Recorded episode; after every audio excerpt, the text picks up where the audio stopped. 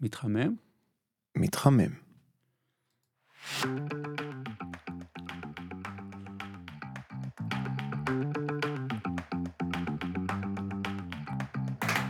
תפסת מרובה, כי לפעמים המרק הוא רק תירוץ. מה? זה, זה, זה הבוט, זה צ'אט GPT לבד אה, מייצר. מה היא אומרת שם? לא יודע, מה שואל המרק. לפעמים המרק רק מתחמם. שלום יוסי יובל. בוקר טוב, אמיר טייכר, עניינים. מרצה בכיר. למה אני מדבר פה עם ההפקה? אני שומע את המוזיקה נורא חלש. גם אתה? אה, מה? זה לא יפה.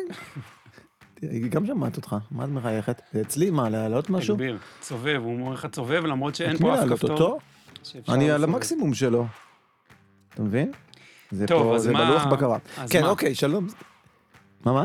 הקופסה החדשה, יש קופסה חדשה, שים לב, שים לב, אה, קופסה בקופסה חדשה. החדשה, תשמע, הם עושים פה שינויים. אני שמח שהמאזינים שותפים לכל התגליות שלנו פה. קופסה, אני, אני אוקיי. אסביר למי שלא רואה, הופיעה קופסה חדשה עם ארבעה ווליום. מתגים, אבל מה לעשות עם זה? להעלות אותו? ניתן לסובב אותם שחורה. אוקיי, אני מעלה... אה, העליתי את עצמי כרגיל, כמובן. אמיר? מסובב. עכשיו מה? יאללה, בוא נתחיל. טוב, בוא נתחיל. שלום לכל המאזינים, שלום לכל המאזינות, שלום לכל החצי חצי. אה, אנחנו... אה, אתה- למה אתה עושה לי פרצופים? יש גם, יש. זה בסדר, הכל בסדר. כל האפשרויות אה, קבילות. אנחנו עוסקים היום בחום. חום. נושא, נושא חם, כמו שאומרים. אתה ידעת שבעברית זה לא כל כך תפס, אבל באנגלית הרי אתה... כשאתה רוצה לדבר על אה, מישהו אה, או מישהי שאתה רואה. ומדליקים אותך, כן. אה, אז אתה יכול להתייחס אליהם כ-he or she is hot, נכון? כן. ו... לוהט, גם בעברית אומרים, הוא לוהט, היא לוהטת. לא? באיזה שנתון? מי, באיזה בית אבות אומרים? אומר? בשמינית, כשהייתי בשמינית. הבנתי. אוי, כמה היא לוהטת, הבחורה הזאת. אני... העלמה ריבה, הזאת. ריבה אני לא. אני לא מכיר אה, אף אדם. צריך רק להגיד לי גם איזה קו, זה לא מספיק, צריך לסיים יופי. אה, אז אה, בקיצור, אה, אבל אתה יודע, זו התפתחות של המאה ה-19, פחות או יותר. מה, הוט? על זה שהוט מתאר את האובייקט ולא את הרגשה שלך. לפני זה כבר אנשים שהיו נרגשים יכלו להגיד לעצמם שהם hot, כן? I'm hot אוקיי. on the lady, או משהו כזה. אבל אתה רוצה להגיד שבמאה ש-the lady ה-19 is אמרו. שהיא הוט כאילו? שהיא? אה, כן, זה התחיל? להיכנס שזה האובייקט, האובייקט? התשוקה או ההתלהבות או המשהו הופך להיות בעצמו חם, למרות שזה קצת משונה, כי זה שאתה חם ממשהו זה הגיוני, נכון? כי אתה, לא יודע, מסמיק, אתה נרגש, אתה מזיע, אני לא יודע, כן. יש לך איזה תגובה. אבל למה, למה מי שאתה מתעניין בו הוא חם? כן. בעברית ובעברית, בניגוד לאצלכם שם, ב... לא יודע, אה, ב-. בקומזיצים שם, בזה, ב... תוזיק. אה, אז אה, לא כך תפס. בכל מקרה, אנחנו עוסקים היום בחום, אנחנו ננסה להבין חום מכל מיני רמות, מהרמה הרמה האטומית, אפשר לומר, או אולי אה, קצת על-אטומית ועד לרמה הפלנטרית, דרך אה, כל מיני רמות שבדרך. הרב פלנטרית אה, אפילו. ובשביל להתחיל, אנחנו רוצים להתחיל באמת אה, מהקטן ביותר, כן, ובשביל זה העלינו את הגדול ביותר. נכון. אנחנו הולכים לדבר עם פרופסור חם במיוחד, פרופסור אה, תומר וולנסקי, ראש החוג לחלקיקים באוניברסיטת אה, תל אביב. שלום תומר. לחצת, כן. אהלן, היי תומר. אז אה, שלום שלום. אנחנו בעצם רוצים שתתחיל, תעשה לנו קצת סדר, חום וטמפרטורה, שני מושגים שכאילו קשורים, אבל לא ממש, ונראה לי שאף אחד לא ממש מבין, אה, חוץ מהפיזיקאים כמובן, את שהם ה- מבינים הכל את ה- תמיד, כן. כן, את ההבדל ביניהם. אה, מאה אחוז. טוב, אז אולי קודם צריך להבין מה זה טמפרטורה. כן, אה, אם היינו יכולים ל- להסתכל ממש ממש מקרוב על כל חפץ שנמצא מולנו, היינו יכולים לראות שהוא עשוי, היינו רואים שהוא עשוי מהמון המון המון חלקיקים, אטומים. ושהחלקיקים האלה נעים כל הזמן בתנועה.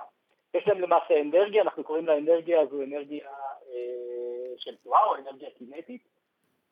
ומאחר שמדובר בהמון חלקיקים ואנחנו לא יכולים לתאר את האנרגיה או את התנועה של כל חלקיק בנפרד, אנחנו מדברים על ממוצעים.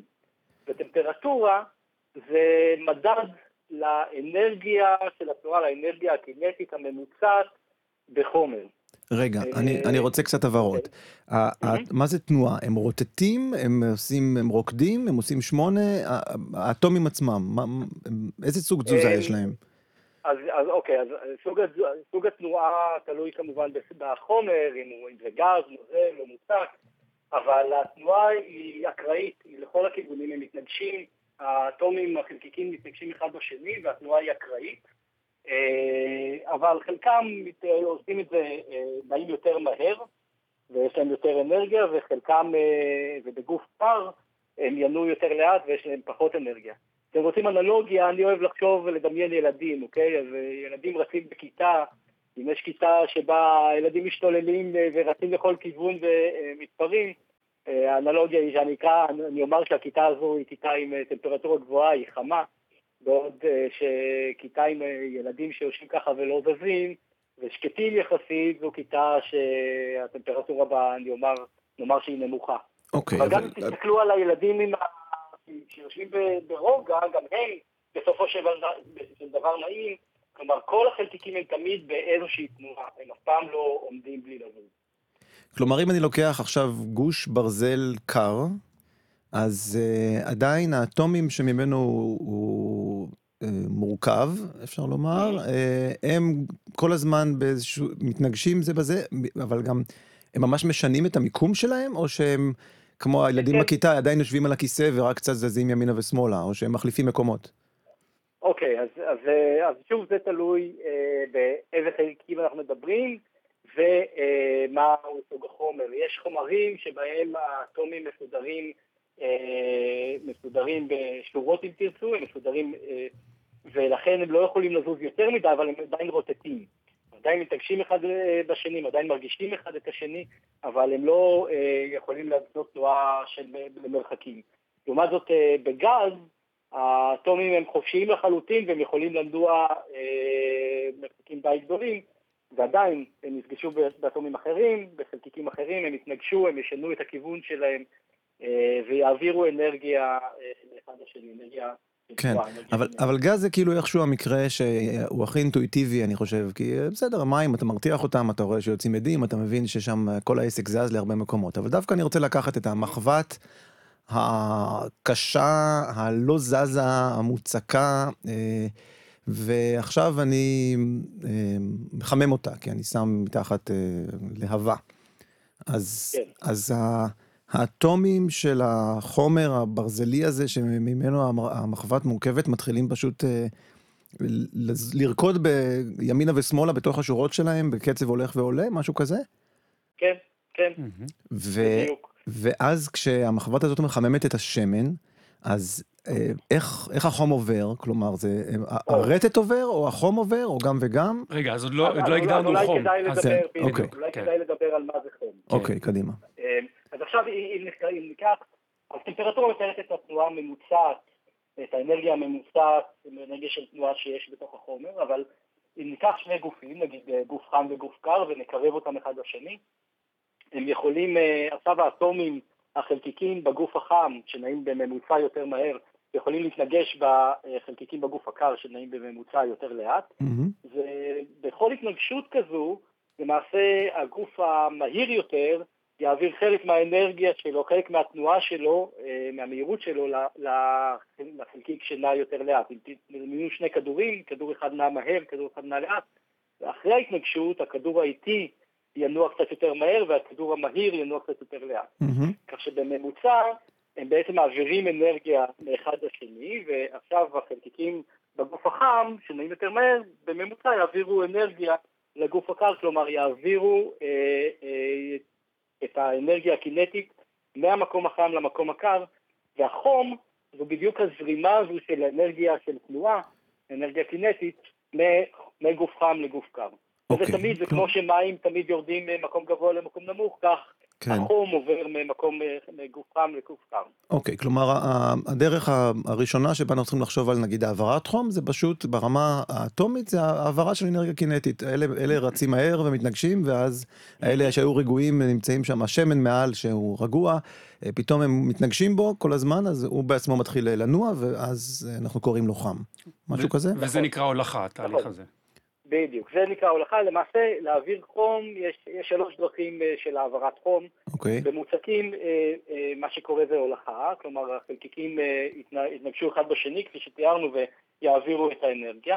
בנוזל או בגז ישנה אפשרות גם של הסעה, שבה, אם תדמיין, אם, אם דיברת על, ה, על הסיר עם, ה, עם המים, כן. המים שקרובים יחסית לאש, למקור החום, מתחממים. כן. עכשיו הם נעים, החלקיקים שם נעים יותר מהר, ולכן הם יכולים אה, אה, לנוע רחוק יותר, והם בע- בעצם יוצאים מאותו אזור חם, בגלל שהם אה, מהירים ו- אה, ואנרגטיים, מהמם. ולתוך האזור הזה נכנסים אה, חלקיקים קרים יותר. ואז מה שקורה זה שיש לך חלקיקים, תנועה של חלקיקים, אה, זרם של חלקיקים של חמים שיוצאים החוצה, מתרחקים מאזור מקור החום, אה, לאט לאט הם מתקררים בגלל האינטראקציות, והם, חוז... והם אה, ככה חוזרים חזרה למקור. אז אוקיי, נוצרת אז- תנועה או זרימה יפה. אה, בין מקור חם לקר, וזה נקרא הסעה או קונבקציה. והשיטה השלישית? השיטה השלישית אה, זו קרינה, אנחנו כולנו מכירים, אם נשים יד אה, קרוב לתנור, גם אם לא ניגע בו, או אם אה, נסתובב ביום חם עם ארטיק, אנחנו נראה שהוא אה, אה, נמס, וזה בגלל אה, קרינה, קרינה אדומה שמעבירה חום. אבל מה זאת אומרת מעבירה חום? כלומר, למה כשאני יוצא לשמש אז אני מרגיש שהאור שלי מתחמם? זה האטומים באור נעים יותר מהר, או כאילו איך, בגלל הקרינה? כן, מה זה שקורה שקורה? זה הקרינה, הקרינה עשויה אה, גם היא מחלקיקים, חלקיקי אור שנקראים פוטונים, מהמם. ואותם חלקיקים פוגעים ב- בעור שלנו, בעין, ומעבירים חלק מהאנרגיה שלהם, אה, נבלעים ומעבירים חלק מהאנרגיה שלהם, כך שהחלקיקים על- בגוף שלנו מתחילים לנוע לספורט יותר מהר, וככה אנחנו מתחממים. אוקיי, אז יש לי רק כזה משפט סיכום שתגיד לי אם הוא נכון, ואז עוד שאלה. אה, כלומר, זה לא סיכום של השיחה, זה סיכום רק של מה שאמרת עד עכשיו. אה, אז בעצם אתה אומר שאם אני מסתכל על אטום, אטום הוא אף פעם לא חם. אטום הוא נע.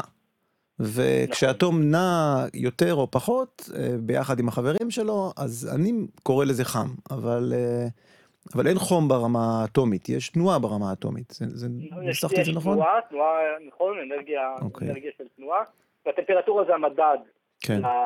לאנרגיה הזו, לאנרגיה הממוצעת, החום זו הזרימה של האנרגיה. אוקיי, ואז נגיד אה, קיריים של אינדוקציה נגיד, ובניגוד לקיריים של, של גז, אז הם, מה, מה קורה שם? יש שם איזה טריק אחר, או כאילו זה, או זה משהו מהותי שונה, או שזה אות- אותו סיפור פשוט עם, לא יודע, מגנטים, או משהו? לא, אז, אז, מה- מה- אה, כן. אז הק- הקיריים של אינדוקציה, כן. הם, ושוב, אוקיי, אז שם עובר החום באופן אה, אה, קצת שונה, אוקיי, כן? אה, למעשה, הסיר עצמו הוא, הוא אה, מתחת ל- ל- לזכוכית יש איזשהו סליל של אה, נחושת שעובר שם זרם, והזרם הזה מייצר, אה, מייצר, בעצם הוא זה שמייצר את החום אה, באמצעות קרינה. כך שה... זה, זה לא עובר כמו אש, שבה, שבה הקרינה היא ישירה, אלא זה מייצר איזשהו זרם, והזרם הזה אה, יוצר זרמים בסיר שמחממים את הסיר. אוקיי. טוב, נראה לי שאני יודע יותר ממה שידעתי קודם. יוסי, יש לך עוד איזה... כן, אני, רק רוצה לציין שאת כל זה אמרתי לך, והוא פשוט, לי הוא לא האמין, לא אבל... האמנתי, אה, זה נשמע לי מפוקפק. נשמע לי לגמרי מפוקפק אה, התזות האלה. ולכן שתקתי כל כך הרבה, נתתי לתומר אה, לשכנע אותך. לא, מישהו אי פעם ראה את האטומים האלה, זה נראה לי מבנה- מומצא, ש... כן, אתה יודע איך זה באקדמיה, רוצים משרות, אז הם מצטטים אחד את השני, אני מכיר את לגמרי. העסק. הזה. כמו אבולוציה. כן. יופי, תודה רבה לתומר וולנסקי. מאה אחוז, ביי, להתראות. טוב, ביי ביי.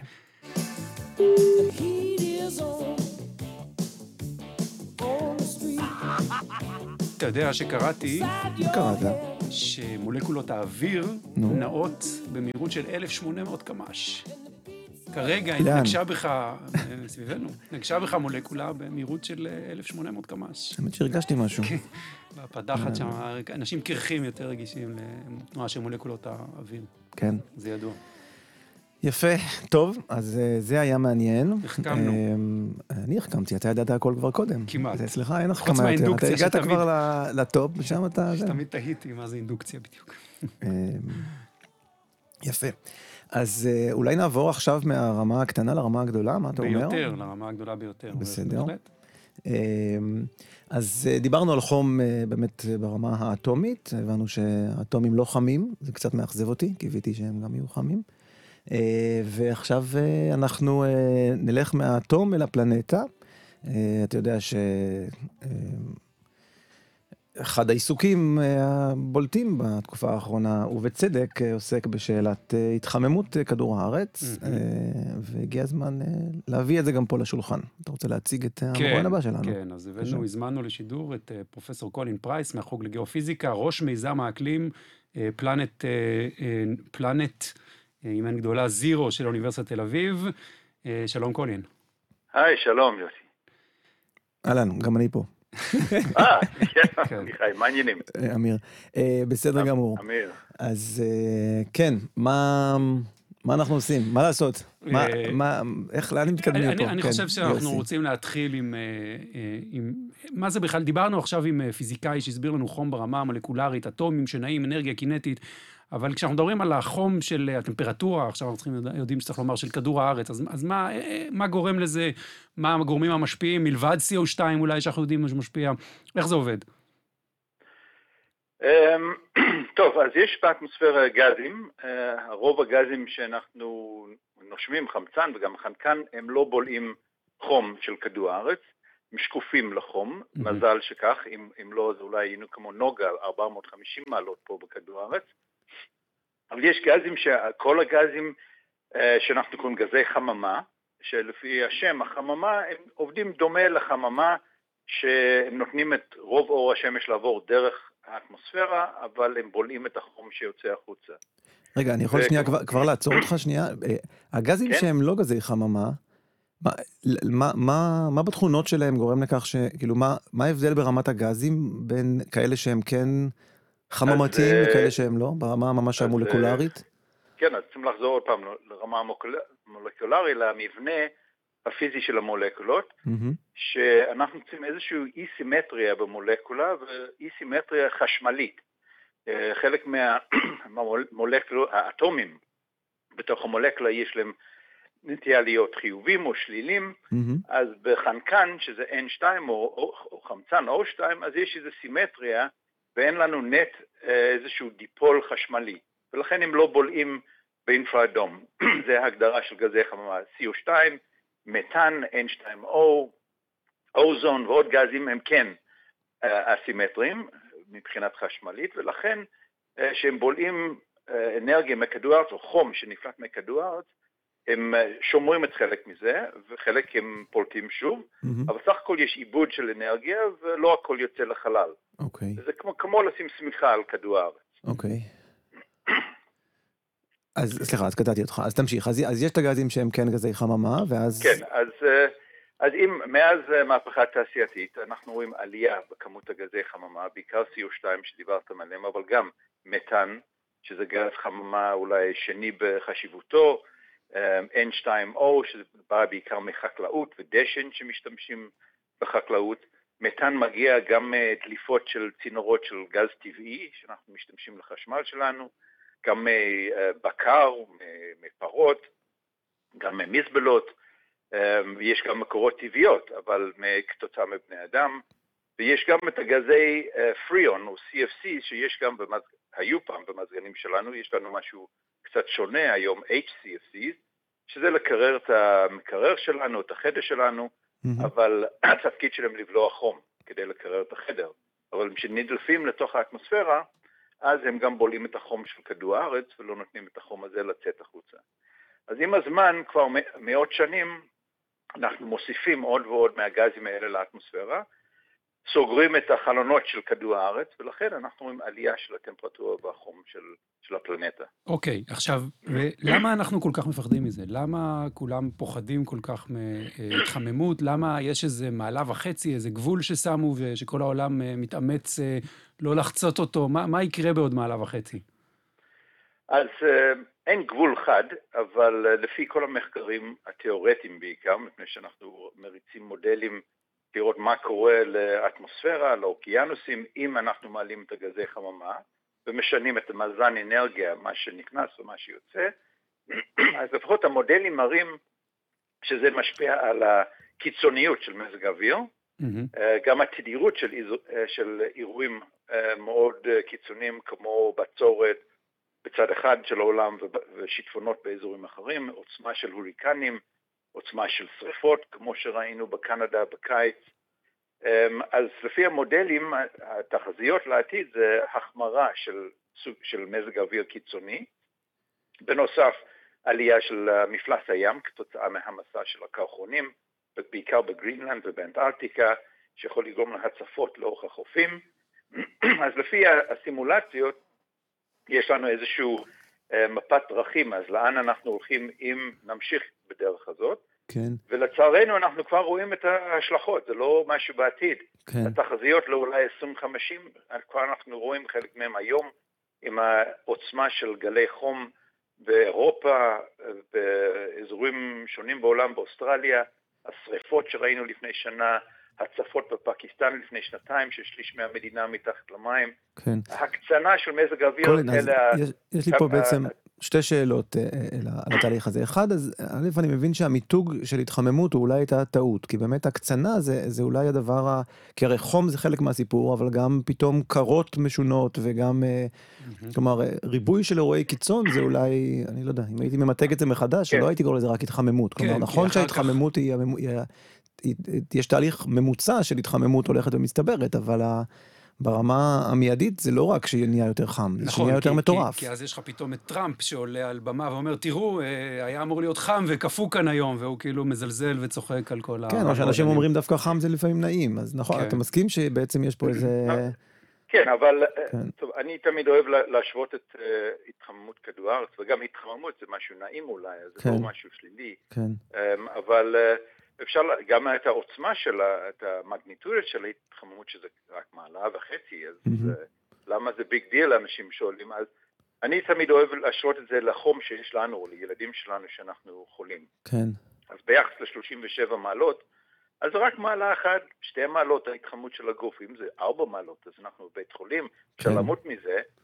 ואז אנחנו רואים את כל התסמינים של מהמם. החום, ומישהו שלא רוצ- לא רוצה לשחק עם החברים, רוצה להיות במיטה, כאבים. אז הסופות שאנחנו רואים בכדור הארץ, זה אלה התסמינים של החום שיש לנו, מהמם. לפלנטה. אז זה מתחיל מהחום, כמו כן. עם הילדים, אבל התוצאות מהחום, יש כל מיני דברים אחרים, ובכדור הארץ רואים את זה דרך מזג אוויר, גם קר, אבל לרוב חם, מהמם. וגם יבש וגם רטוב. כן, וקולין, יש לי עוד שאלה אחרונה, כי אנחנו צריכים פה לסיים, למרות שנראה לי, נשמח להביא אותך עוד פעם לדיון יותר ארוך בנושא, אה, נושא שמציק לי הרבה, אבל אז רק שאלה אחת, נגיד שעכשיו אנחנו כולנו מפסיקים לאכול בשר, מפסיקים להשתמש במזגנים, אה, לא צורכים חשמל, אה, ובגדול אה, לא עושים כלום אה, בקושי מרגע זה ואילך. האם אנחנו יכולים לעצור את התהליך הזה, או שכבר, ה- כן, כמות הנזק שעשינו ב-200 שנה האחרונות וב-50 שנה האחרונות היא כזאת, שאנחנו בכל מקרה going down איזה path של, אה, של כדור הארץ שנהיה יותר ויותר קיצוני בטמפרטורות ובאירועים שלו. כן, לא, אני בהחלט חושב שכן אפשר לפתור את הבעיה, מהמם. ולא צריכים לעצור את הכל. אה, אנחנו, כמובן, אי אפשר לחיות פה בלי חשמל ובלי אוכל, אבל יש תחליפים, בעיקר בנושא של אנרגיה. אנרגיה מתחדשת, אנרגיה סולארית הרבה יותר זול היום, זולה היום לעומת כל הדלק הפוסילי, פשוט צריכים לעשות scale-up. כן, ולהשתמש בזה בכל מקום. אז אנחנו צריכים לעשות איזשהו מעבר מהכלכלות שמבוססות על דלק פוסילי, וזה בעיקר הבעיה, מהמם. לאנרגיה מתחדשת, או מימן, אה, אפילו אנרגיה גרעינית הייתי מביא בחזרה לשולחן, כן, ואולי להביא את החלבון שלנו מהצומח ולא מהחי. מהמם. אז יש הרבה פתרונות, ואני חושב שאנחנו בעשור עכשיו, שזה מאוד מעניין, העשור של טרנספורמציה מהכלכלות שמבוססות על דלק פוסילי למשהו חדש בעתיד, ובהחלט אם אנחנו משנים את הכלכלות שלנו, אז אפשר לפתור את הבעיה. זה ייקח עשרות שנים, אבל עד 2050 יש סיכוי שאנחנו כן יכולים לראות ירידה בגזי חממה ועוד פעם ירידה בטמפרטורות של כדור הארץ. מעולה. אמן ואמן. אז בדיוק, בנימה אופטימית זאת, תודה רבה לך, קולין פרייס. בכיף. ביי. להתראות, יום טוב.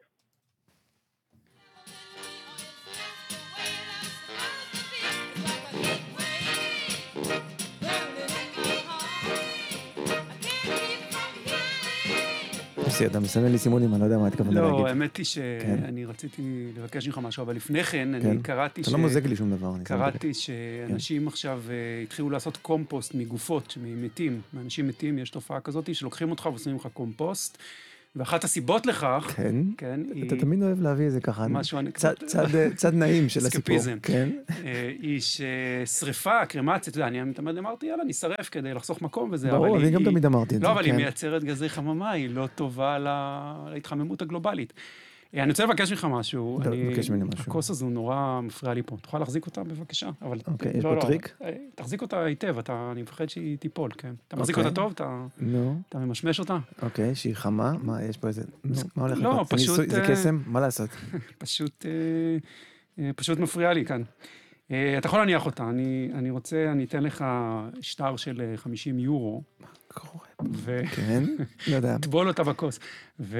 לטבול אה, באמת? זה 50 לא, יורו? יש לך שתי אפשרויות, או לקחת ולקנות משהו נחמד, אוקיי. או 50 יורו, אני רק לתרום מראה את פה זה למשיקה, לארגון כן. אה, סביבתי. מה, מה, מה, מה, מה, מה אתה בוחר? מה? מה השאלה? אם אני... מה, לתרום אתה צריך לארגון להקשיב סביבתי? לי קצת יותר. לא, לא, אני- פשוט אחרת המום אנחנו ממה נגמור שקורה. כמו זה ברקו ניסוי- זה ניסוי ואופירה. פסיכולוגי. כן. רגע, נתתי לי 50 יורו, אני יכול כן. לקנות משהו נחמד ולתרום... או אה, לתרום אותם לארגון אה, סביבתי ששומר על הסביבה. לא, אני אקנה לי משהו נחמד. הבנתי. אז טוב, לא אוקיי. הצליח הניסוי. מה מה היה אמור לקרות? יש, אה, יש אה, כן. ניסוי מפורסם שמראה שכשאתה נותן לאנשים לאחוז כוס חמה, כן? אה, ואז אתה נותן להם להעריך, אה, למשל, אדם, אה, לה- להבדיל מכוס קרה, כן? כן. אתה נותן להעריך אה, את התכונות של האדם שמולם, או לתת להם, או, או אה, אתה יודע, או להחליט האם הם תורמים לאדם אחר או לעצמם, אז כשהם מחזיקים כוס חמה, אה, הם נוטים יותר להיות אה, פחות אנוכיים, אה, ולהעריך אה, שהאדם שנמצא מולם, הוא, אה, יש לו תכונות חיוביות יותר, וגם לתרום יותר. אבל האמת שלא היה לי ספק שאיתך זה לא אה, יעבור. לא, אני לא לא נוטה להעריך אף אחד. אבל- במיוחד אם יש לי כוס חמה, וזה נשמע לי קצת מוזר שאתה מושיט לי פתאום כוס חמה. אז חשדתי כן. במניעים שלך מראש, והחלטתי לא ללכת עם שום הצעה שאתה מציע. השטר, אגב, מזויף, אל תבנה עליו. אה, אני אבדוק את זה, אני אפקיד אותו ואבדוק את זה. אה, שלום לאדריכלית, אה, לאדריכלית נעמה ריבה, שגם כותבת על אדריכלות ותכנון עירוני בארץ ובדה מרקר. שלום נעמה. שלום. שלום. אה, יופי, איזה כיף שאת על הקו. אז, אז אה, כאן אמיר ויוסי לצידי, יוסי בדיוק הושיט לי כוס עם מים חמים, שאני לא יודע, אפשר לשתות את זה? אפשר, זה רק מים. אוקיי, כך. אה, אה, אז אנחנו עוסקים היום בחום, ושמענו קצת על חום אה, ברמת האטומים, ומה זה בכלל חום, מסתבר שאין כזה דבר, ואחר כך על חום של כל כדור הארץ, והבאנו אותך בשביל לחשוב קצת על חום ברמת העיר. אה, איך, איך אנחנו מייצרים לנו עיר שהיא חמה. מספיק, נעימה יותר, אבל כן. לא חמה מדי. אז אה, העירי את עינינו. אה, מעניין שדווקא היום אנחנו מדברים על זה. אה, כן, היום אני רוצה להגיד שאני הגעתי לשידור, לא רואים את זה, אבל עם הפרט המחמם האולטימטיבי שלי, הידוע בתור. הגטקס. אה, הגטקס האהוב עליי, אה, פרט שמפיל אה, מפיל לבבות. רואים, רואים את זה. רואים, נכון? כן. אז אה, אה, כן. טוב, אה, איפה להתחיל? טוב, דבר ראשון, אנחנו אה, נמצאים במקום שמאוד חם בו בקיץ, אין מה אה, להרחיב על זה. אה, וזה זה, זה כאילו נורא קל לפ- אה, לפתור את הבעיה הזאת, פשוט צריך לשתול אה, מלא מלא עצים. אה, עכשיו העניין הוא גם זה איך שותלים אותם ואיפה שותלים אותם. כן. עכשיו, ואיזה עצים? אה, ואיזה עצים. עכשיו, מה שקורה, זה לא רק שאנחנו נמצאים במקום חם, אלא מה שקורה אה, בשנים האחרונות, זה שהמרחב אה, שלנו נהיה לגמרי בנוי. וההיקפים האלה של האספלט והמדרכות וכל המשטחים האלה רק אה, בעצם אה, מגבירים את אה, תחושת האי-נעימות, נגיד את זה ככה, כן. שיש לנו כשאנחנו אה, מסתובבים במרחב הציבורי. תגידי, אני כבר- אה, אני כבר עוצר אותך לשאלה שסקרנה אותי, ואולי יש לך תשובה עליה. האספלט השחור הזה, כן? אספלט זה כן. המצאה של בערך 1907, אם אני זוכר, או משהו כזה, תחילת המאה אה. ה-20, כש... פברואר. התחילו להיות, 1907. פברואר, החמישה בפברואר, כשהתחילו כן. אה, להיות קצת מכוניות שזזות על הכבישים ומעלות אבק בלתי נסבל בבריטניה, ואז כן. אה, באו עם ההמצאה הזאת. ואני מניח שאז לא חשבו, אולי גם בבריטניה לא אכפת להם שזה יספוג כל כך הרבה חום. אה, אבל אין... למה עדיין משתמשים בזה? כן, אין, אין איזה אלטרנטיבה שהיא אה, פחות... מבחינת אה, הכבישים, אה, זה זול כמובן. אוקיי. אה, במדרכות כמובן אה, אה, משתמשים בזה כבר אה, פחות. כלומר, איפה שאפשר, ואיפה שאפשר ויש כסף וחושבים על תכנון ארוך טווח, אז לא שמים אה, אספלט, אלא שמים אה, אה, אבן משתלבת או משהו כזה. אה, אבל, אבל שוב, האספלט בכבישים עצמם, איפה שהמכוניות נוסעות, הוא לא, הוא לא הבעיה. אבל אם אתה, נגיד, אה, לפני איזה שנה ומשהו, כתבתי, אה, היה לי איזה סיבוב בתל אביב בבוקר, באזור אה, פלורנטין, אה, המושבה האמריקאית.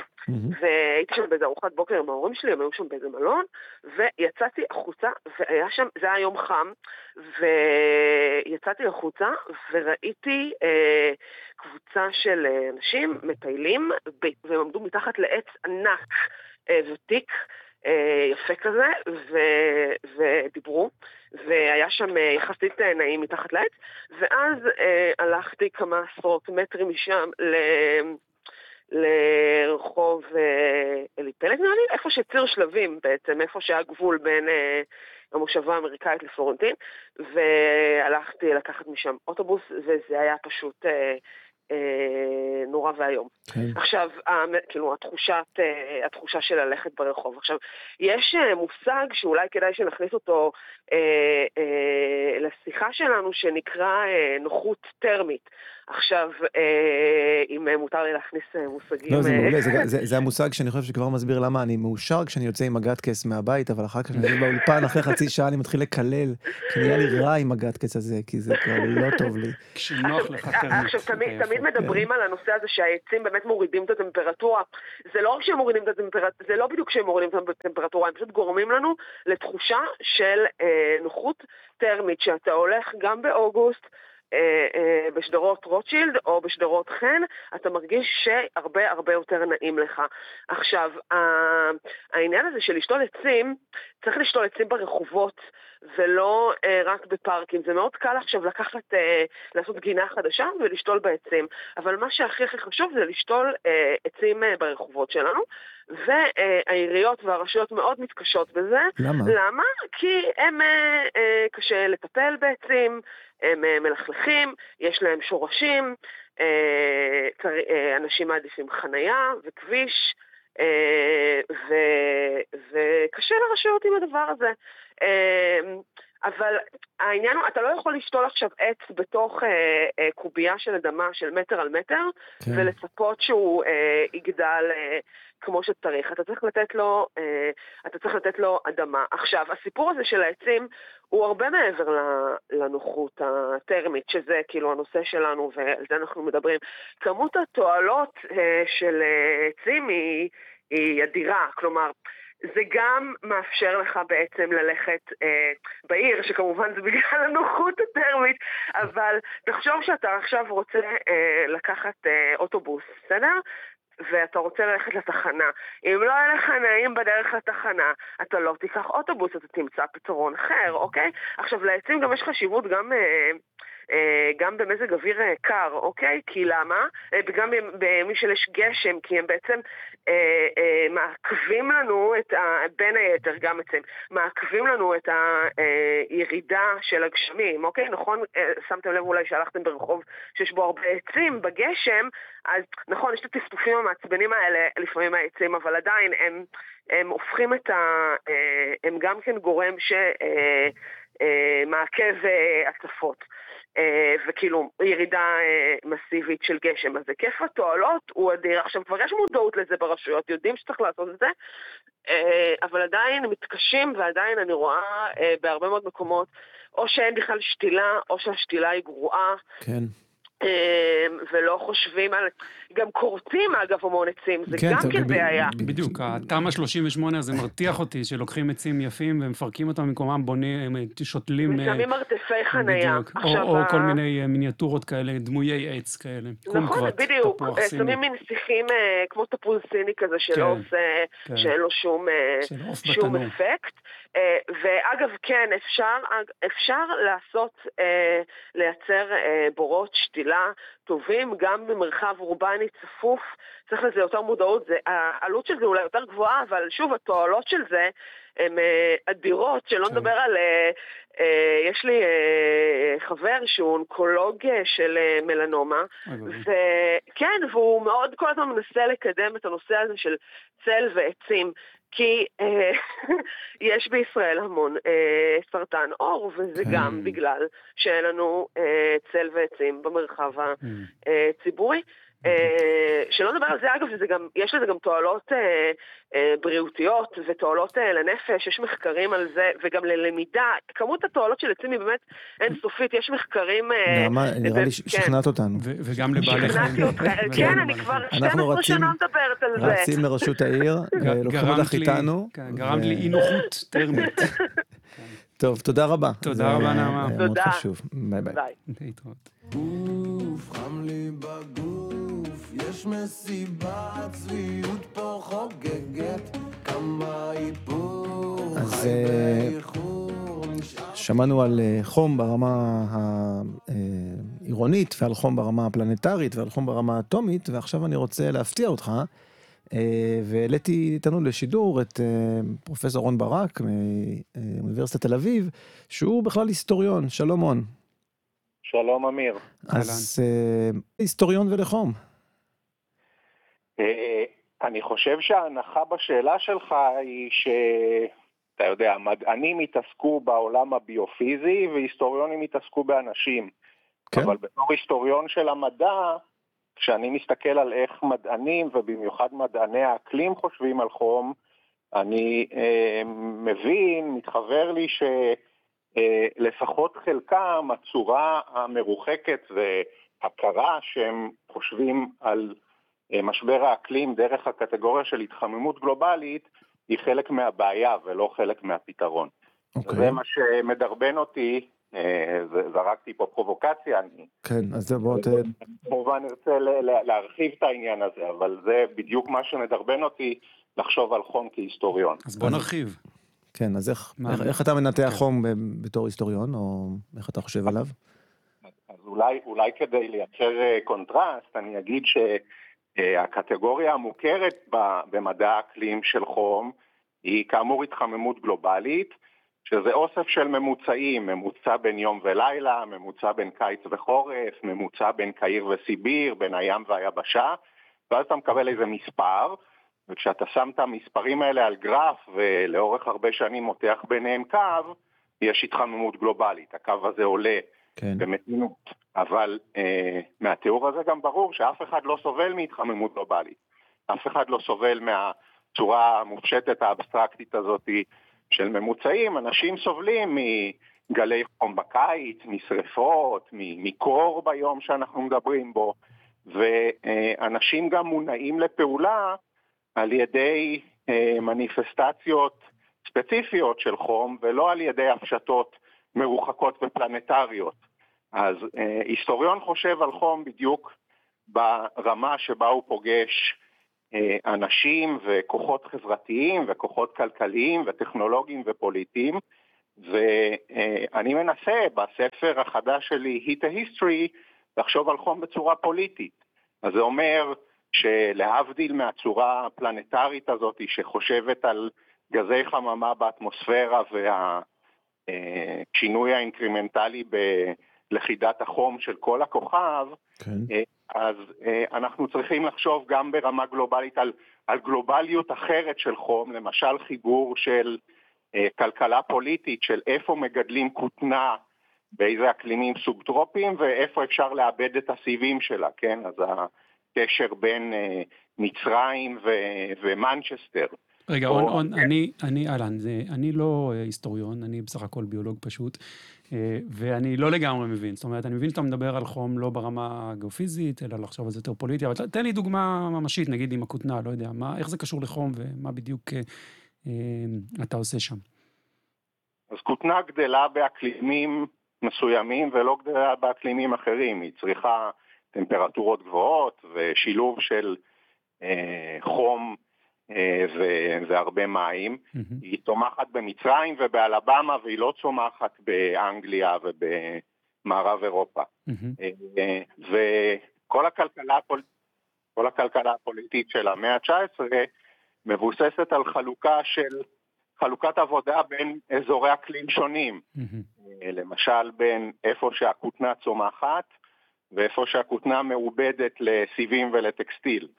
אה, וכשאתה חושב על זה ככה, אתה מקבל את, ה, אה, את הקפיטליזם ואת האימפריאליזם של המאה ה-19. מהמם. אתה חושב על, אה, בדיוק על אותם מקומות דרך אגב, על דרום ארצות הברית ועל המזרח התיכון ועל אזורים חמים אחרים, אז אתה מבין את הסירקולציה של מזגנים במאה ה-20, החל מאמצע המאה ה-20. מה- תסביר, מה זאת אומרת הסירקולציה של מזגנים? אם אנחנו חושבים על טכנולוגיה באיזו צורה קלישאתית, כמשהו שעובד במין מודל דיפוזי כזה מהמערב אל המזרח, מהעולם המפותח אל העולם הלא מפותח, אז מזגנים דווקא אה, נועצים איזו סיכה ב, מהמם. אה. בהבנה הזאת, כי הם אה, מתפתחים במקומות חמים, אז אה, דווקא יותר בדרום ארצות הברית מאשר בצפונה, דווקא יותר במזרח התיכון מאשר במערב אירופה, מערב אירופה אחד המקומות הכי פחות ממוזגנים מהמם. עדיין בעולם. אה, אז, אז זה לגבי אה, הסברים כלכליים ושל כלכלה פוליטית, אבל חום עובד גם אה, ברמות אחרות. אה, איך שר השיא אימן, מלחמות כבר לא קורות בחורף.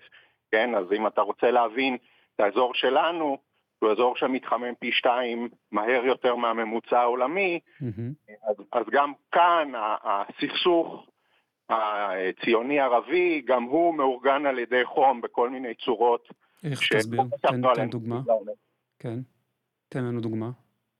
אז אם לקחת אה, בשנים האחרונות, יש, יש הרבה מאוד אה, דיונים מסביב לשאלה מתי הסכסוך מתחיל, נכון? יש המון מהמם. שנים כאלה, הצהרת בלפור 1917, 48, 67, ובשנים האחרונות, השנה 1929, ככה מתקדמת לקדמת הבמה, תרפ"ט, מהמם. זה הרגע שיהודים וערבים מתמיינים לשתי אה, אוכלוסיות ניציות, לשתי קהילות שלפותות אחת בגרונה של השנייה, ואם מסתכלים על הגורמים לפרעות תרפ"ט, אז אה, גורם עלום, אבל שאני אה, בספר שלי אה, שופך אליו קצת יותר אור, זה לאורך השנים שקודמות לפרעות, ובמיוחד בקיץ באוגוסט 29, נוכחות הולכת וגוברת של נשים אה, מזרח אירופאיות מוסקופיות, כן, עולות חדשות אה, בנות העלייה השנייה, שמסתובבות בערים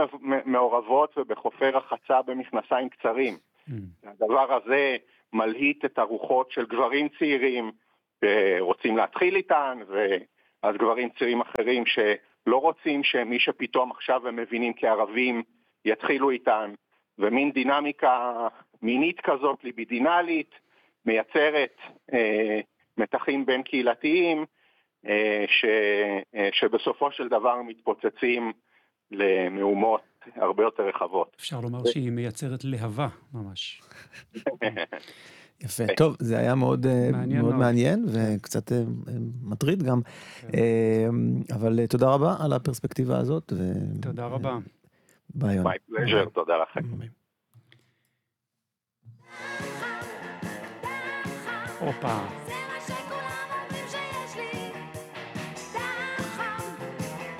סוף סוף אתה שם שיר טוב. זה שיר טוב? הומאותרמי.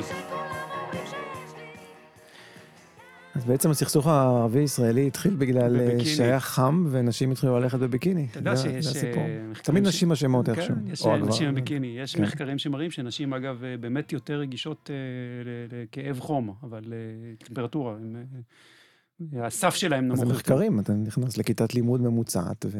כן, לא. התכוונתי דווקא לוויכוח על המזגן, אבל אה, כן, אבל רציתי לספר לך אני קודם אנקדוטה על האספלט, שכשדיברנו עם נעמה ונזכרתי, היה לי פעם חבר עיראקי, אבל אה, עיראקי אמיתי כזה, אחד ש... זה אנקדוטה?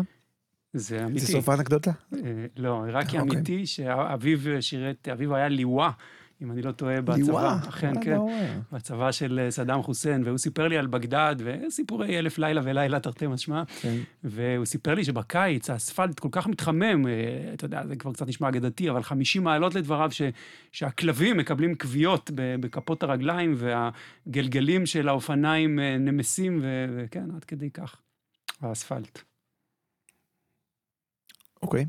זהו, לא, לא, לא אמרתי שזה מעניין. אמרתי, לא, זה היה מאוד מעניין, טוב. זה כן. היה מאוד מעניין, אני עוד נשאר שם בחבר, כאילו, האמת שהוא היה לי סיפר לי סטודנט דברים... בכיתה שלפני כמה, מותר לדבר פה לסטודנטים בכיתה? כן. אז אה, שככה בת- בתגובה על איזו שאלה אמר, כן, כשגרתי בבחריין, אז אוקיי, סבבה, כן. אז זה דומה. אז האמת היא שהוא היה, הוא סיפר לי, באמת סיפר לי איך אבא שלו היה לוקח אותו לגבול איראן-עיראק לראות את המלחמה. כאילו, מטורף, אבל נדבר על מה, זה הייתה בפרק. ממש על הגבול, כאילו? הוא היה, לא אני. לא, המלחמה הייתה, אה. כאילו, בגבול רואים את המלחמה? זה... אה, תשמע, זה היו מלחמות של פעם, עם אבנים וחיצים הבנתי, כאלה. הבנתי. כן. תודה. טוב, אז... אה, יפה, אז אז- בוא, תראה, יש לנו עוד אה, בעצם, אה, נראה לי, שני מרואיינים, נכון? אחד, כן. אחד שאנחנו יודעים מי הוא, והשני זה הפתעה בשבילי הפעם? או אני. סידרתי לך הפתעה, אני לא זוכר מה כן. כן, אני מפתיע אותך. אז אתה הולך להפתיע אותי. אז, אז אנחנו כן. עכשיו הולכים לדבר על טמפרטורת הגוף, אחרי שדיברנו על כל כך הרבה דברים אחרים. כן. בעצם, אז לשם כך זימנו את...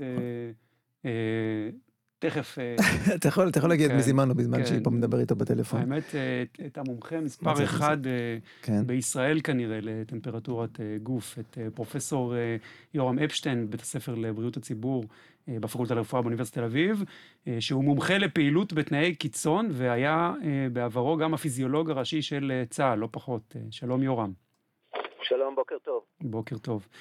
אז בעצם איתך אנחנו רוצים לדבר קצת, להבין למה טמפרטורת גוף היא דבר כל כך קבוע וכל כך רגיש, וכל שינוי בה בעצם אה, לגמרי ממוטט אותנו. נתחיל משם. אה, הטמפרטורת גוף אה, חייבת להישמר קבועה, כי מערכות הגוף הן צריכות לעבוד בטווח טמפרטורה אופטימלי. אחרת יש לנו כל מיני שינויים מבניים בחלבונים, יש לנו שינויים בתפקודים של מערכות שונות, ולכן הגוף דואג לשמור על טמפרטורת אה, גוף קבועה. בעצם מאזן חום שיהיה קבוע, כמה חום שאנחנו מקבלים, ככה אנחנו מפזרים, ועל ידי זה אנחנו שומרים על הטמפרטורה שלנו. כלומר, יש פה איזה עניין בעצם שמתחיל, ב, אפשר להגיד, בכימיה, או כן, ממש במבנה של המולקולות, שגורם לכך שהן צריכות אה, טמפרטורה מסוימת כדי, לא יודע, לעשות כל מיני תהליכים כימיים ביניהם, כן. ובשביל זה אנחנו כגוף צריכים כל הזמן לשמר אותם בסטטוס הזה? זה נכון, זה גם, ה, גם המבנה של מולקולות, אבל זה גם אה, תהליכים אה, ביוכימיים שהם צריכים להיות בטמפרטורות, אה, בטמפרטורה קבועה. כן, כל מיני אנזימים למשל, שהפעילות שלהם אופטימלית נכון. בטמפרטורה הזו. אבל לא, זה קצת מופתע קצת על האבולוציה, כלומר, יש פה איזה, כאילו, אני מנסה להבין, יש איזה constraint אה, מאוד, זה דרישה מאוד גבוהה מאיתנו כיצורים חיים. לא, אז אנחנו יודעים שרוב היצורים הרי הם פויקילותרמיים, נכון? הם לא שומרים על טמפרטורה גבוהה, הם לא, זקו, לא זקוקים לדבר הזה, והם. מתפקדים, כן, כן. יותר לאט קצת, אה, זה, זה השקעה אנרגטית עצומה אה, בשמירה על טמפרטורה כן. ויורם, רציתי לשאול, הרי במחלה הטמפרטורה שלנו הרי משתנה, אה, זה מאוד מאוד משפיע עלינו, על ההרגשה שלנו, ואני שמעתי כל מיני סברות, אולי תעשה לנו סדר, האם זה... זה באג או פיצ'ר, כן? שמעתי שזה טוב אה, לגוף, כי גם החיידקים זה פוגע בהם כשהטמפרטורה עולה, שמעתי שזה סתם באג שהמוח בעצם, אה, הטמפרטורה, שהוא יוצא מכיול נגיד. מה המטרה של העלייה של, בטמפרטורת גוף בזמן מחלה? כן, אז קודם כל אנחנו צריכים להבין איך הגוף שומר על טמפרטורה. הגוף שומר על טמפרטורה על ידי ויסות אה, דרך אה, מה שאנחנו קוראים set point. אנחנו מכירים את זה כמו במזגן. מהמם. שמעל טמפרטורה מסוימת המזגן מתחיל לעבוד, מתחת לטמפרטורה ומפסיק לעבוד. בהתאם לזה זה און-אוף כזה, גם בגוף זה עובד ככה. כאשר טמפרטורת הגוף עולה, אנחנו מפעילים אה, מנגנונים לפיזור חום, וכאשר טמפרטורה יורדת מתחת לסף מסוים, אנחנו מפעילים מנגנונים ל- אה, לעצירת חום, שחום לא יברח לנו מהגוף. אה, במחלה קורה דבר אחר. במחלה מה שקורה זה שהסף, אותו set point, עולה. ואז אם עכשיו טמפרטורת הגוף שלנו היא 37 מעלות, אבל הסף שלנו הוא 38 מעלות, אנחנו נמצאים באופן יחסי במצב של היפותרמיה, של תת חום, מהמם. ואז אנחנו נגרום לזה שהגוף ייצר חום, נעשה רעד, צמרמורת אה, כדי שהטמפרטורה תעלה. וכאשר אנחנו ניקח אה, אה, תרופות שמורידות את החום, שמורידות בעצם את הסף, ועכשיו אה, הסף הוא יהיה חזרה 37, אבל הטמפרטורה שלנו בינתיים היא כבר 39, אנחנו נפעיל מנגנונים לפיזור חום, ואז אנחנו נזיע. Mm. כל אחד יודע את זה מהמם. כאשר שהוא חולה, אנחנו או עושים צמרמורת או מזיעים, זה תלוי באיפה נמצא הסף שלנו. אבל השינוי הזה בסט... מבחינת טמפרטורה, אה, זה אחד המנגנונים שדווקא עוזר, כאשר הטמפרטורה גבוהה זה דווקא עוזר לנו. מהמם. זה אומר שאנחנו מפעילים את מנגנון הדלקת אצלנו, זה מנגנון מאוד חשוב בשמירת הבריאות שלנו. אה, אז זה לא באג. כלומר, הטמפרטורה מסייעת למערכת החיסון ולמנגנון הד- הדלקת כן. בעצם, זה מה שאתה אומר. אבל, בכל זאת יש פרקטיקה מאוד, אצל הורים לפחות, כן? אז הילד קודח, ואז שמים לו מטליות לחות על המצח, ומנסים להוריד את, וגם הרופאים אומרים, אה, תעשו לו איזה אמבטיה, קצת להוריד את הטמפרטורה של הגוף, כשהוא קודח וכאלה, אז, אה, אולי דווקא עדיף לקדוח. אני זוכר שסבא שלי, כשהייתי ילד, והייתי חולה, אמר לי את השיטה הפולנית, שזה להיכנס מתחת לפוך, להזיע כמו מטורף, ואחרי שאתה מזיע איזה יממה, אתה קם בריא. אה, אבל היום רופאים אומרים משהו אחר, הם אומרים, לא, לא, קצת, זה, זה לא, לא טוב הקדיחה הזאת, אז תעזור לנו פה. אז זה, זה נכון עד גבול מסוים. זאת אומרת, כשהטמפרטורה היא 38 מעלות, אז באמת תיתן, אה, זה, זה, זה טמפרטורה ששומרת עלינו, ואז לא צריך לעשות שום דבר. אבל כשהטמפרטורה מגיעה ל-40 מעלות, אז זה כבר קיצוני מדי, ואז זה יכול להיות גורם מזיק, ואז אתה תכניס את הילד למקלחת ותוריד את החום ב, אה, בצורה, בצורה פיזיקלית. אה, זה לא אומר שאחרי שתצא מהמקלחת הטמפרטורה לא תעלה, כי כל עוד, מה שדיברתי קודם, הסף יהיה גבוה, אז הטמפרטורה שוב תעלה. כן. אה, אבל בהחלט, כשהטמפרטורות קיצוניות, גבוהות, אז אה, צריך להוריד באופן פיזיקלי את החום. אה, במקלחת קרה, וזה נכון מה שהסבתא אמ- אמרה. אה, להיכנס תחת השמיכה, תחת הפוך, כי אז אנחנו נזיע, ואז אה, הטמפרטורה שלנו אמורה לרדת. עכשיו, אתה אה, בעצם אה, מומחה לפעילות בתנאי קיצון, שזה משהו גם שמאוד רלוונטי לישראל, ועוד יותר עם ההתחממות הגלובלית. אז, אז מה, מה בעצם קורה לנו? יש דבר שנקרא מכת חום, מה זה אומר, איך מתמודדים עם זה? מכת חום זו, זו תסמונת שבה טמפרטורת הגוף עולה לערכים קיצוניים שכאמור הם מזיקים כי זה כבר פוגע במנגנון הדלקת והיא מלווה לא רק בטמפרטורה גבוהה אלא גם בפגיעה במערכות אה, פיזיולוגיות שונות ובעיקר במערכת העצבים. אה, אבל לא רק, גם במערכת, אה, במערכת קרישת הדם, בתפקודי כבד, תפקודי כליות. ולכן אה, מכת חום זה גורם, אה, זה תסמונת מסוכנת, היא מסכנת חיים, היא גם נחשבת לאירוע חירום אה, רפואי שצריך לטפל בו, ל- לאבחן אותו מהר ולטפל בו מהר. והטיפול הוא בשלב הראשון על ידי הורדה מיידית של הטמפרטורה הגבוהה לערך שהוא מתחת ל-40 מעלות, אה, ועל ידי זה בעצם לשמור על התפקודים הפיזיולוגיים. מאיזה טמפרטורה זה נחשב שאני... קודם כל זה מתרחש כי אני מייצר אה, יותר חום ואולי חשוף לחום ולא מצליח להיפטר ממנו, נכון? ומאיזה טמפרטורה זה נכון, נחשב? כאן, כאן כן. בדיוק זה ההבדל עם ה- מהמחלה שאמרנו שבמחלה הסף שלנו עולה, במ- במצב הפיזיולוגי הרגיל זו בעיה פיזיקלית, שאנחנו עוצרים בגוף יותר חום מאשר אנחנו מסוגלים לפזר באותה יחידת זמן. מהמם. אז אם עכשיו אנחנו עושים פעילות גופנית עצימה, נניח ריצת מרתון, אנחנו צוברים הרבה מאוד חום בגוף, ותנאי הסביבה לא מאפשרים לנו לפזר את כל כמות החום הזו, ואז הטמפרטורה שלנו תעלה.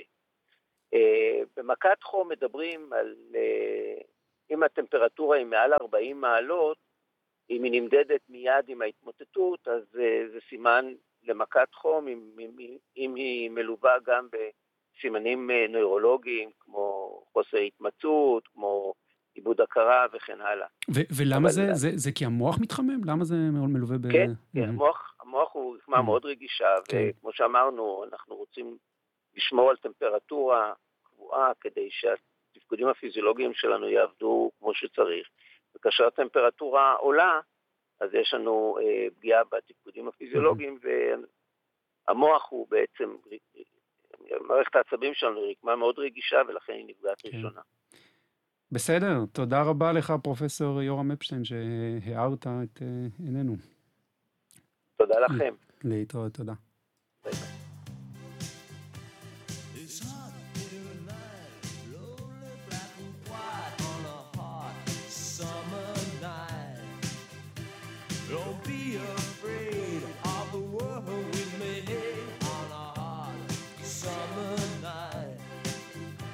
יש לי יחידה אה, בשבילך, חידה בשבילי? יחידה שקשורה לטמפרטורת גוף. קדימה, חוד יחידה. דמיין, אה, אשלם, אה, אתה יודע, חבר את המילים הבאות בקווים, אוקיי?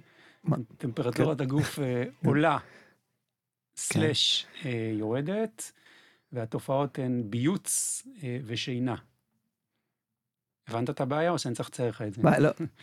בצד ימין? יש לך שני כן. טורים, בכל אוקיי. טור יש שתי מילים בסך הכל. עולה, יורדת, אתה יודע, כמו כיתה א' כזה, גן חובה, חוברות כאלה. כן, עולה. יורדת, כן.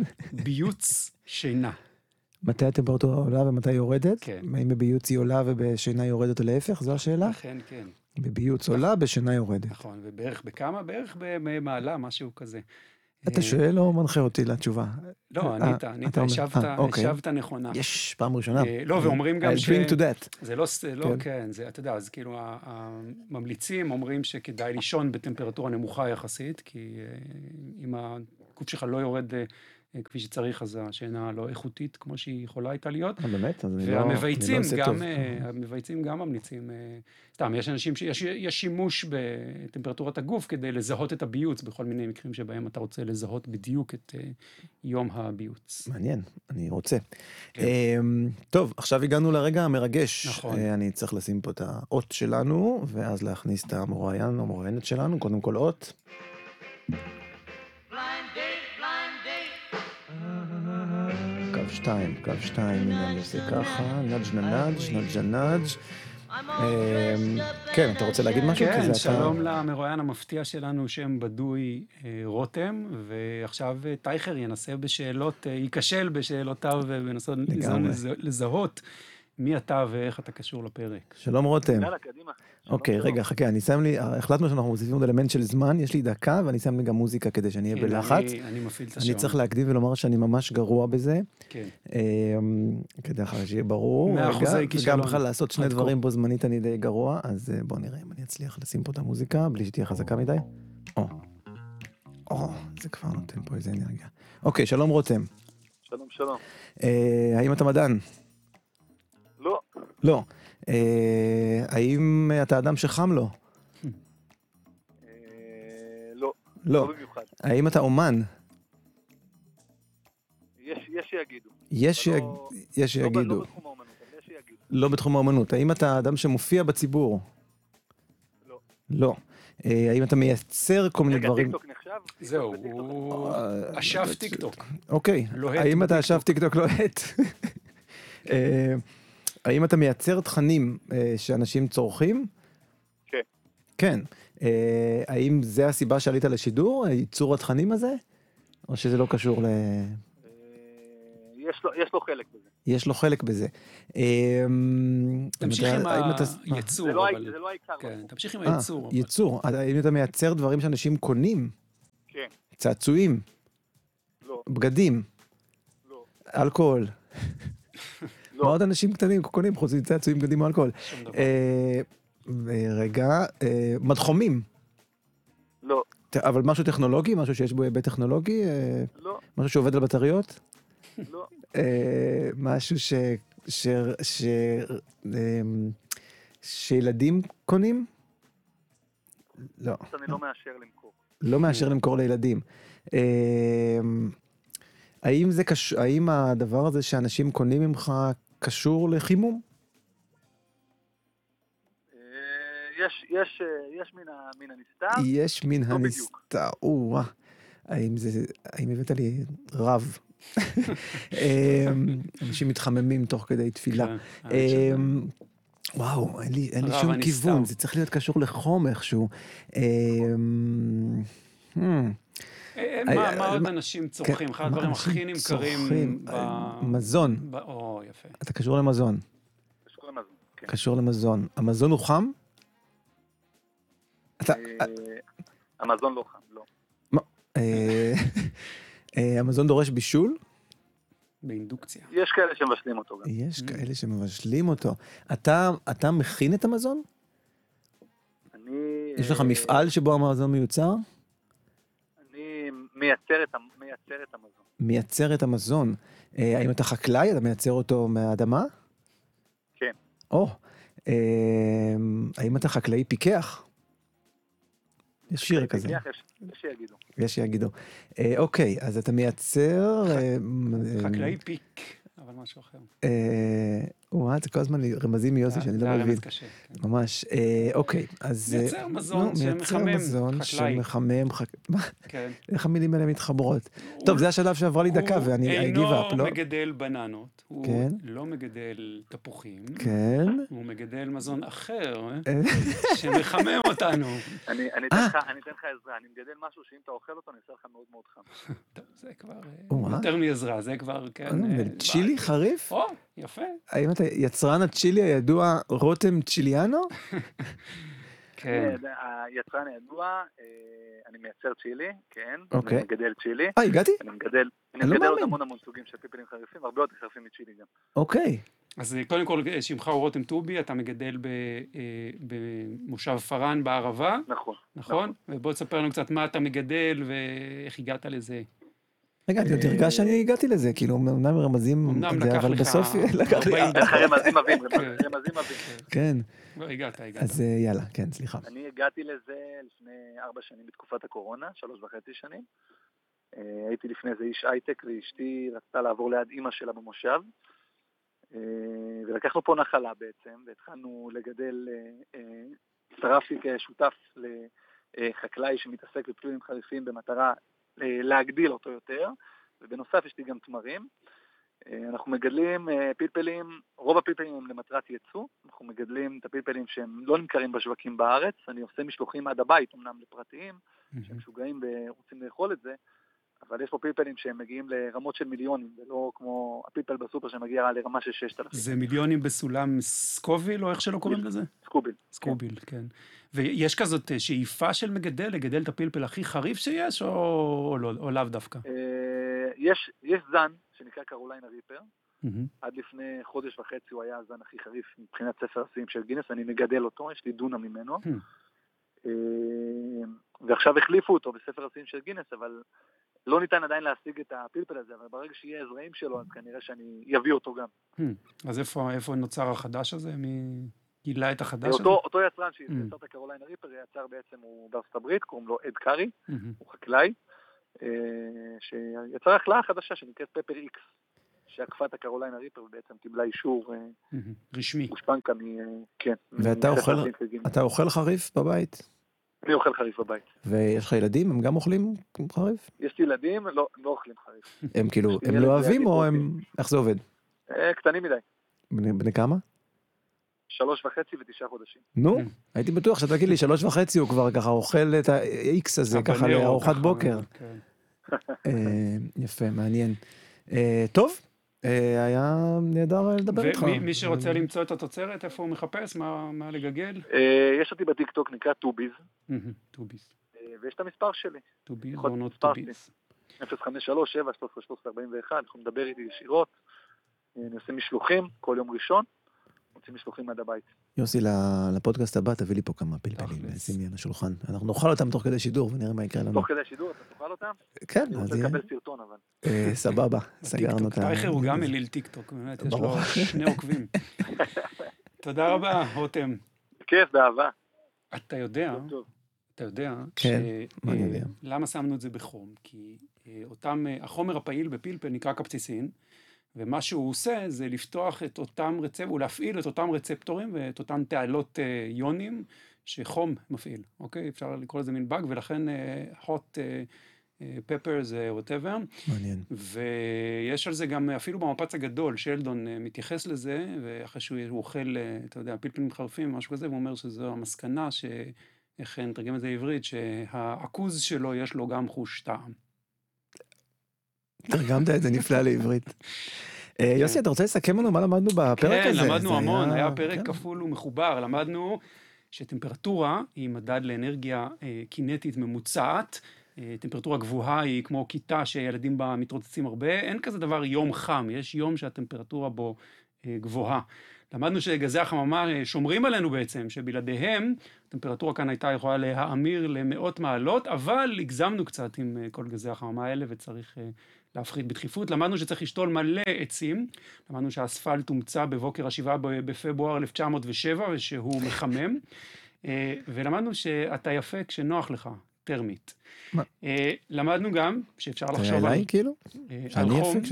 למדנו שאפשר לחשוב על חום כמגדיר של, לא רק כמונח גיאופיזי או פיזיקלי, אלא גם כמגדיר של כלכלה ופוליטיקה, כולל אולי עם השפעה על הסכסוך היהודי-ערבי, אה, ולמדנו גם שהכותנה צומחת אה, שוב.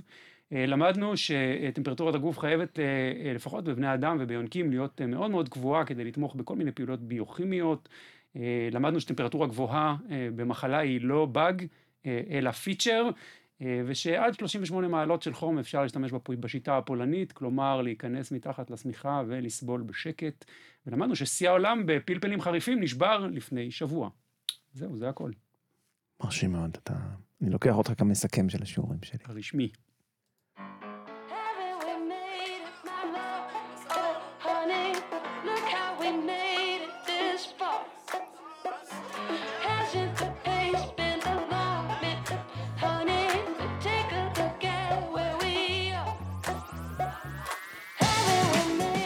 אוקיי, אנחנו מסיימים עוד פרק של uh, תפסת מרובה. תודה לכל המוראיינים והמוראיינות. דנה עטיה חזרה אלינו והייתה על ההפקה, סטניסלב גוצולסקי עשה לנו פה... שמות. כל מה שצריך לעשות כדי שהפודקאסט הזה באמת ישודר עליכם. אה, סיוע רוחני ומטריאלי וכל מיני סיועים אחרים, דוברות אוניברסיטת תל אביב. יוסף יובל ואנוכי אמיר טייכר מבצעים את כל התחקיר וההגשה. אני גם העורך המוזיקלי, שאלות, תגובות, מענות, פלפלים חריפים, אתם מוזמנים לשלוח לתפסת מרובה, אוניברסיטת תל אביב, מחלקת הדוברות, תת דואר 39040 תל אביב 6997801. מכתבים מעוניינים, מעוניינים במיוחד אה, יוקראו בשידור, ופלפלים חריפים במיוחד יאכלו בשידור. היו שלום ותודה על החום. ביי ביי. היה לו עת.